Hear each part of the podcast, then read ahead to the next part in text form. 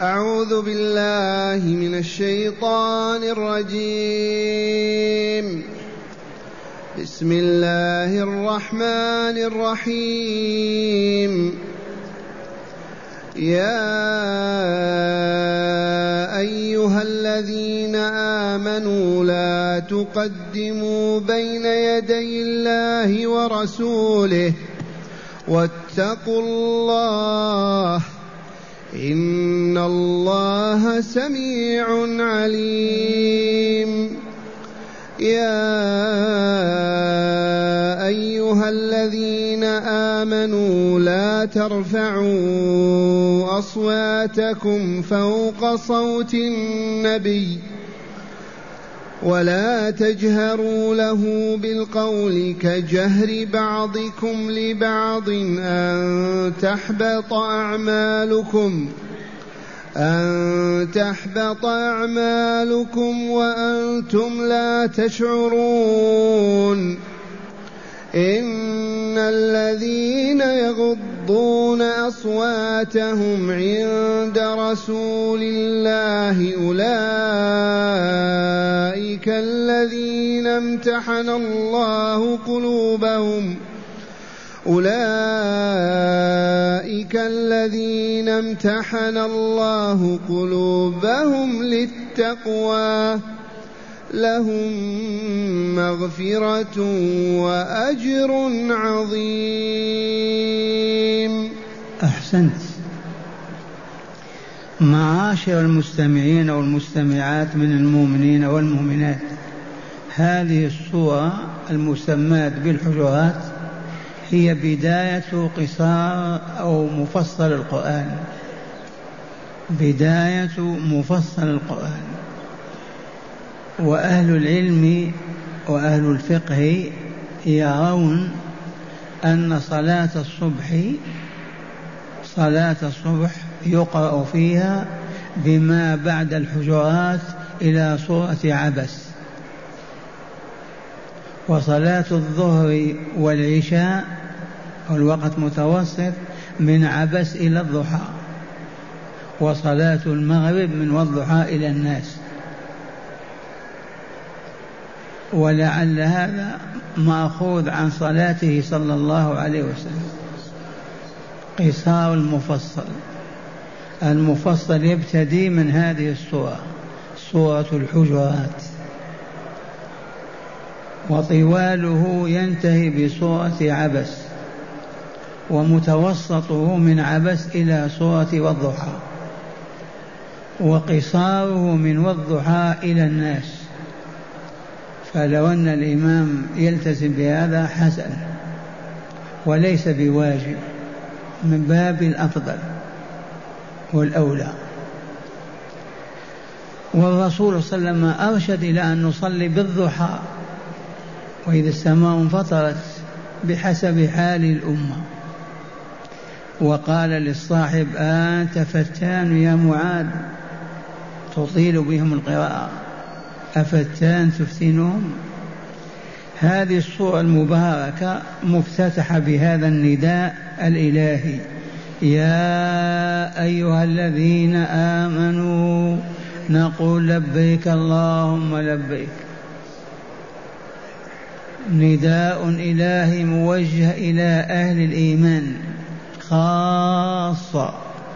لماذا؟ لأنهم أحياء. ما سبب حياتهم إيمانهم بالله ولقائه بالله ورسوله وكتابه. الإيمان بمنزلة الروح صاحبه حي وفاقده ميت. وقد نادانا الرحمن في كتابه نيف وتسعين نداء. بيا أيها الذين آمنوا.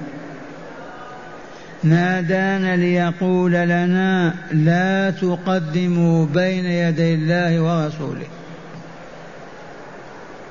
ومعنى هذا يجب أن نعرف ما في كلام الله وكلام رسوله.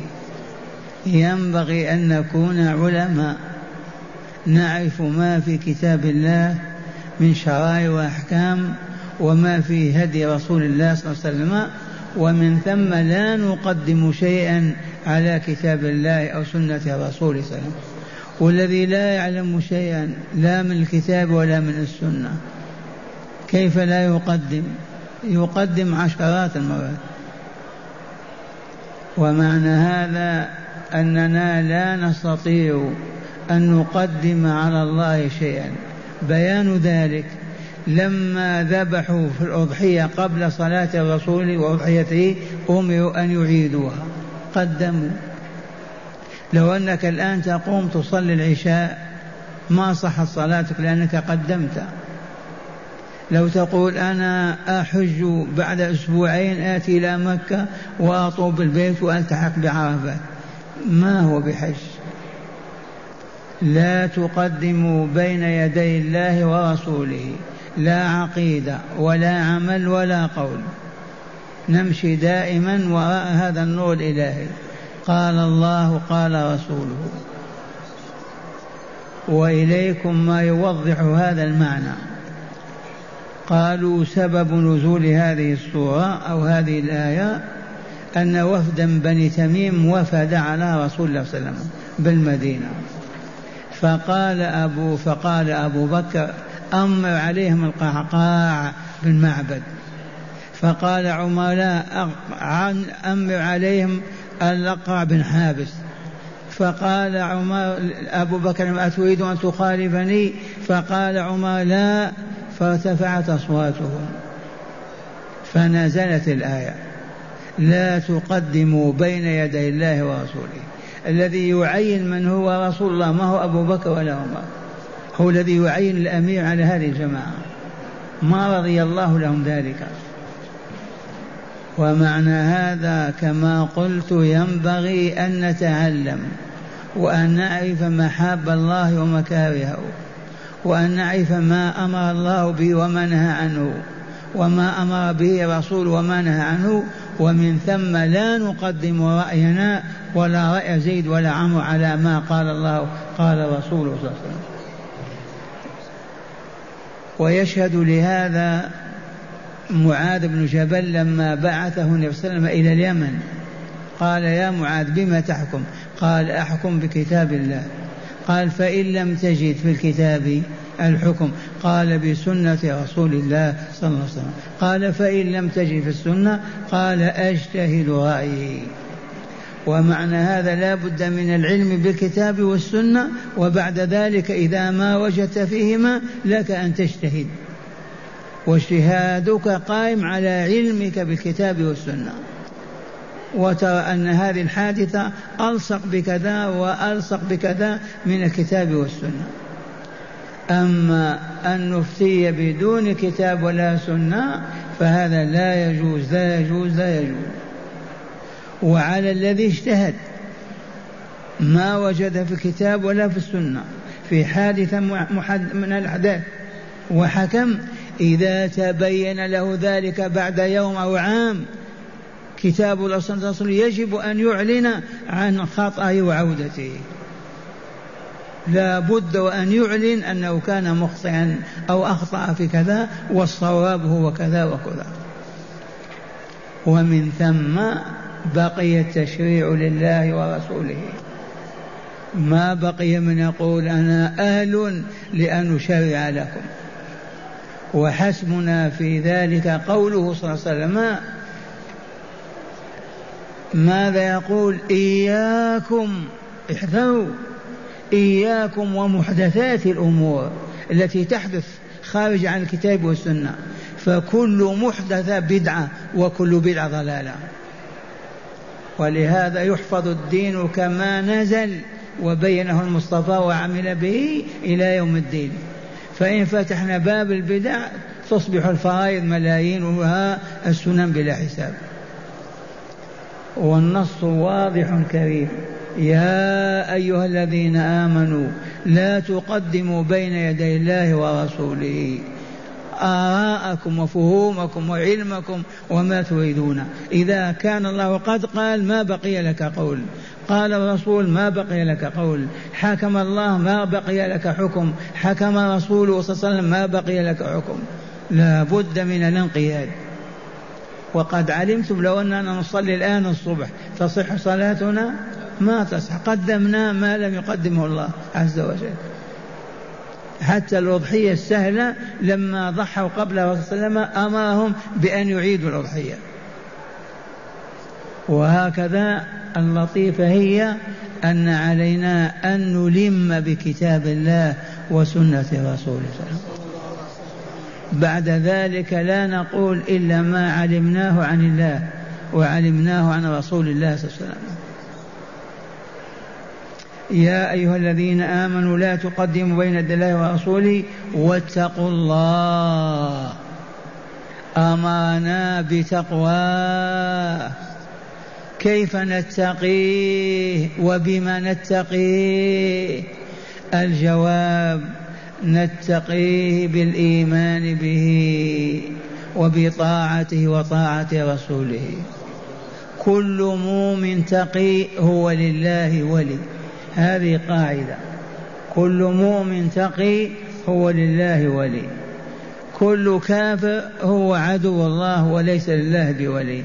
كل فاجر ليس بولي الله بل هو عدو الله. الإيمان والتقوى. اتقوا الله خافوه فأطيعوه.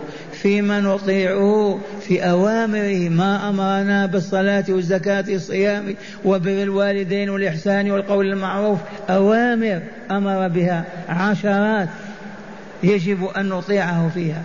رسول صلى الله عليه وسلم أمر بأوامر كذلك. نطيعه فيها ونهى الله تعالى عن أشياء كثيرة من الاعتقادات من الأقوال من الأفعال من الصفات من الذوات نهى عنها وحرمها. يجب أن نتجنبها ونبتعد عنها بعد معرفتها. وبذلك يمكننا أن نتقي ربنا أي نتقي عذابه بعد سخطه ونقمه. يا أيها الذين آمنوا لا تكو لا تقو لا تقدموا بين يدي الله ورسوله واتقوا الله إن الله سميع عليم. سميع لأقوالكم. من قال قولا من قال كلمة والله لقد سمعها الله. فاحذر أن تقول وتظن أن الله ما يسمع. والله ما نقول كلمة إلا سمعها. سميع عليم بأعوى أعمالكم ظاهرة أو باطنة صغيرة أو كبيرة كل الأعمال التي نعملها والله إن الله بها لعليم. والعالم كله بين يديه. إن الله سميع عليم فخافوا فاتقوه فارهبوه فأطيعوا ولا تعصوه حتى تنجوا وتكملوا وتسعدوا. ثم قال تعالى في نداء آخر يا أيها الذين آمنوا لبيك اللهم لبيك لا ترفعوا أصواتكم فوق صوت النبي ولا تجهروا له بالقول كجهر بعضكم لبعض. هذا كان على عهده صلى الله عليه وسلم. حرم الله على المؤمنين والمؤمنات إذا كانوا مع رسول الله صلى الله عليه وسلم في مجلس أن يرفعوا أصواتهم فوق صوته. حرم لا ترفعوا أصواتكم. حتى أصبح أبو بكر يسار النبي هكذا كان يقول في أذنه. أما ثابت بن قيس لا ثابت بن قيس رضي الله عنه لما نزلت هذه الآية لزم بيته يبكي يبكي يبكي يبكي فتفقده الرسول صلى الله عليه وسلم فقال أين فلان؟ قال أنا أبحث عنه. فجيء إليه فوجده في بيته ملتزم بالبكاء. قال لماذا؟ قال خشيت أن أكون من أهل النار. أنا أرفع صوتي دائما فوق صوت النبي صلى الله عليه وسلم. فجيء به إلى صلى الله وبشر الرسول بالجنة وطمأنه برضا الله والجنة وذلك لإيمانه الحق الذي حمل على البكاء والعكوف في بيته. ما استطاع يمشي ولا ولا خاف من عذاب الله لأنه يرفع صوته. إذا يا أيها الذين آمنوا لا ترفعوا أصواتكم فوق صوت النبي. يجب أن يكون دون صوت النبي. والرسول الكريم قل ما يرفع صوته في أدب لكن يجب أن يكون صوتي دون صوته تحت ما يكون مساوي له. ومن هنا هذه ماذا؟ الحقيقة الأدبية العلمية ينبغي أيضا أن نستعملها إذا ذكرنا رسول الله. إذا ذكرنا حديث رسول الله إذا قلنا قال رسول صلى الله عليه وسلم ينبغي أن لا نرفع أصواتنا ولا نصيح. إذا قلنا قال رسول الله صلى الله عليه وسلم وتكلمنا ما ترفع صوتك قبل فوق هذا. كأنك مع رسول الله صلى الله عليه وسلم إذ هو صوته هو كلامه. ثالثا المسجد النبوي الشريف هذا المسجد النبي الذي رزقنا الله الوجود فيه. ينبغي أن لا نرفع أصواتنا فيه كأننا مع رسول الله صلى الله عليه وسلم وخاصة عند الحجة الشريفة وفي الروضة الشريفة. ما نرفع أصواتنا أبدا وهذا الأدب موجود الحمد لله. ما تسمع أصوات في روضة ولا حول الحجرة الشريفة. وينبغي أن نحافظ على هذا. وقال أهل العلم وينتقل هذا إلى العلماء وأفاضل المؤمنين. إذا كنت معهم وفي مجلسهم تأدب ولا ترفع صوتك معهم. وهذا أدب موجود. الإنسان ما يرفع صوته مع أبيه أبدا ما يرفع صوته مع شيخه ما يرفع صوته مع المؤمنين. لماذا؟ لأنه أدب اختاره الله لنا وأمرنا به ودعانا إليه. لما ما نستجيب؟ يا أيها الذين آمنوا لا ترفعوا أصواتكم فوق صوت النبي ولا تجهروا له بالقول كجهر بعضكم لبعض. ما نتكلم مع الرسول كما نتكلم مع علي أو عثمان أو عمر. أبدا كلام خاص أدب خاص صورة خاصة. لما تكون مع أبي بكر عمر عثمان وفلان تتكلم معهم وترفع صوتك أو تجهر بقولك. لكن مع الرسول لا ولا تجهر له بالقول كجهر بعضكم لبعض. كما تجهرون لبعضكم البعض. وقد علمتم الآن أن أبا بكر وكثير من الأصحاب أصبحوا يشترون الحديث مع الرسول. كأن ما يقولون في أذنه كذا لا يرفعون أصواتهم. وهيا بنا ننتفع نحن بذلك أولا إذا ذكر بين أيدينا رسول الله بأن قال القائل قال رسول الله يجب أن نكون أيضا متأدبين كأننا مع رسول الله. ما نصرخ ولا نرفع أصواتنا. ثانيا ما دمنا في مسجده وقريبا من حجرته وقبره نتأدب كأننا بين يدي رسولنا صلى الله عليه وسلم. ما نرفع أصواتنا. ثالثا إذا كنا مع أبوينا مع الصالحين منا مع علمائنا مع أفاضلنا ينبغي أن نتأدب ونعرف بالأدب. انخفاض الصوت وعدم الصياح وعدم الضجيج. هذه يجب أن نتصف بها وهي سهلة وميسرة على من رغب فيها ودعا الله لها. ثم قال تعالى أن تحبط أن تحبط أعمالكم وأنتم لا تشعرون. أي حتى لا تحبط أعمالكم وتبطل وأنتم لا تشعرون. لا ترفعوا أصواتكم فوق صوت النبي ولا تجعله بالقول كجعبتكم لماذا؟ خشية أن تحبط أعمالكم وتبطل. وهذا معناه أنه أدب واجب مع رسول الله. فمن لم يتأدب يحبط عمله.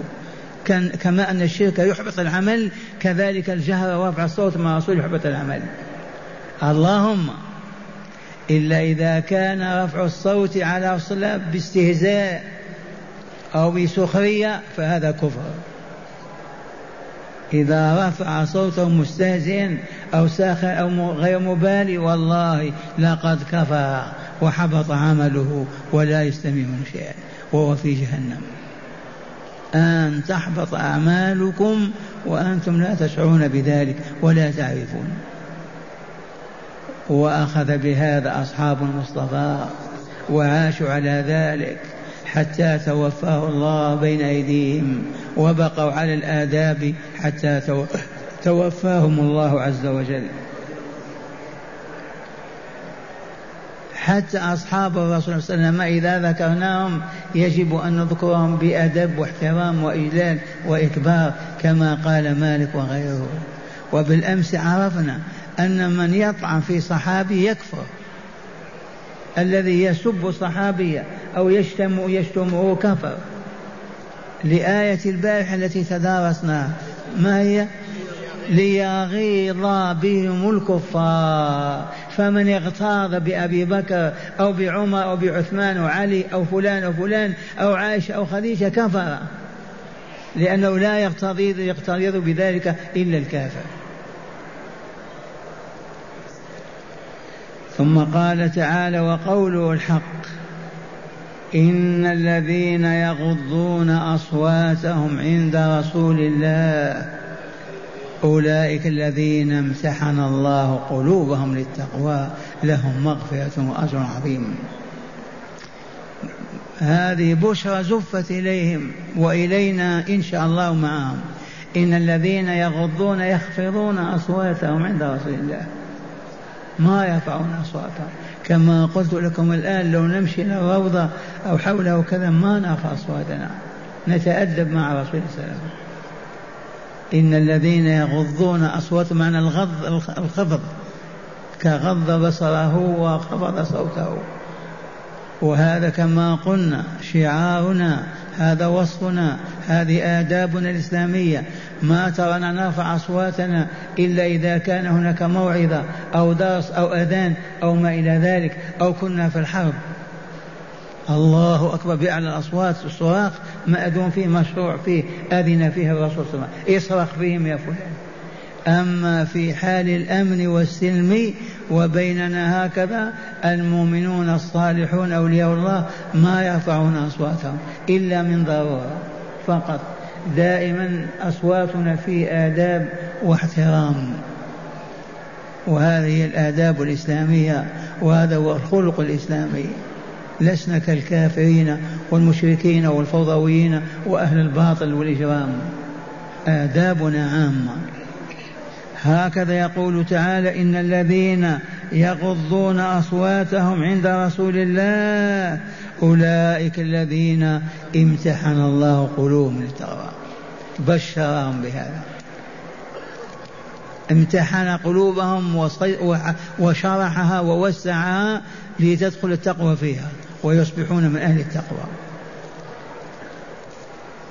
هكذا يقول إن الذين يغضون أصواتهم عند رسول الله أولئك الذين امتحن الله قلوبهم أي شرحها ووسعها لتحمل التقوى. لهم مغفرة وأجر عظيم. بشرى لهم وإلا لا؟ لهم مغفرة من الله لذنوبهم وإن كانت شركا وكفرا عشرات السنين إذ من أسلم لا يطالب بما مضى في أيام الشرك والكفر. وعدهم بمغفرة ذنوبهم والأجر العظيم. ألا وهو الجنة. دار السلام. الأجر العظيم. ما هو مئة ألف ولا مليار دولار؟ الأجر العظيم ما هو؟ والله إنه له الجنة. دار السلام. هذا الأجر العظيم الذي يعطيه الله لمن آمن به واتقاه. اللهم اجعلنا منهم اللهم اجعلنا منهم واحشرنا في زمرتهم وارض عنا كما رضيت عنهم ومع هداية الآيات. بسم الله والحمد لله والصلاة والسلام على خير خلق الله سيدنا ونبينا محمد وعلى آله وصحبه. من هداية هذه الآيات أولا لا يجوز للمسلم أن يقدم رأيه أو اجتهاده على الكتاب والسنة. فلا رأي ولا اجتهاد إلا عند عدم وجود نص من كتاب أو سنة وعليه إذا اجتهد أن يكون ما اجتهد فيه أقرب إلى مراد الله ورسوله أي ألصق بالشرع. وإن ظهر له بعد الاجتهاد نص من كتاب أو سنة عاد إلى الكتاب والسنة وترك رأيه أو اجتهاده فورا وبلا تردد. وقد قلت لكم هذا علينا ألا نفتي ولا نقول ولا نعمل إلا على ضوء كتاب الله وسنة رسوله صلى الله عليه وسلم. لا نفتي بفتيا ولا نقول قول ونعمل إلا على نور الكتاب والسنة. ومعنى هذا يجب أن نتعلم. يجب أن نتعلم. لما نعيش أربعين خمسين سنة ما نجلس في حلقة كهذه؟ كيف نتعلم؟ يجب أن نتعلم. فلا يحل لأحدنا أن يقول أو يعمل بدون علم من الكتاب والسنة.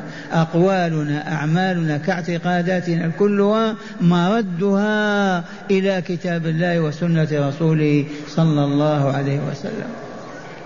والذي اجتهد وعرف ما في الكتاب والسنة وما وجد الدليل للقضية المحدثة واجتهد عليه أيضا أن إذا ظهر له الدليل وبلغه أن يلقي ذلك العمل والقول ويعود إلى الصواب ويقول قال الله قال الرسول صلى الله عليه وسلم ولو أربعين سنة. هذه هداية هذه الآية. ثانيا بما أن الله تعالى قد قبض إليه نبيه ولم يبق بيننا رسول الله صلى الله عليه وسلم نتكلم معه أو نناجيه فنخفض أصواتنا عند ذلك. فإن علينا إذا ذكر رسول الله صلى الله عليه وسلم بيننا أو ذكر حديثه أن نتأدب عند ذلك فلا نضحك ولا نرفع الصوت ولا نظهر أي استخفاف أو عدم مبالاة وإلا يخشى علينا أن تحبط أعمالنا ونحن لا نشعر. إي والله. الآن توفي رسول صلى الله عليه وسلم وليس معنا. ولكن معنا حديثه كصوته فيجب أن نتأدب مع ذكر رسول الله صلى الله عليه وسلم مع ذكر حديثه. لا نرفع أصواتنا لا نضحك لا نستخف لا نسخر كما يفعل الجهال والضلال. إذا قال رسول الله صلى الله عليه وسلم نسكن ونستقر ونهدأ ونتكلم بالأدب والإحسان لأن فقدنا إياه ليس مانعا أن نتأدب معه. نتأدب معه أيضا كأنه بيننا لما يذكر أمره أو نهيه أو بشارته أو نذارته. وأخيرا على الذين يغشون مسجد رسول الله صلى الله عليه وسلم ألا يرفعوا أصواتهم فيه إلا لضرورة درس أو خطبة أو أذان أو إقامة. كما بينت لكم هذا المسجد مسجد رسول صلى الله عليه وسلم من شرقه إلى غربه كأنما الرسول بين أيدينا لا نرفع أصواتنا فيه إلا خطيب أو مدرس أو مؤذن. أما أنا وأنت جالسون نتكلم بالسر في أي وقت من أوقاتنا وفي أي مكان من المسجد النبوي. تأدبا مع رسول الله صلى الله عليه وسلم التزاما بأمر الله عز وجل. لا ترفعوا أصواتكم وقال خشية أن تحبط أعمالكم وأنتم لا تشعرون. فلنتق الله عز وجل ولنصب على هذه الآداب الإسلامية والأخلاق المحمدية ونسعد إن شاء الله في الدنيا والآخرة.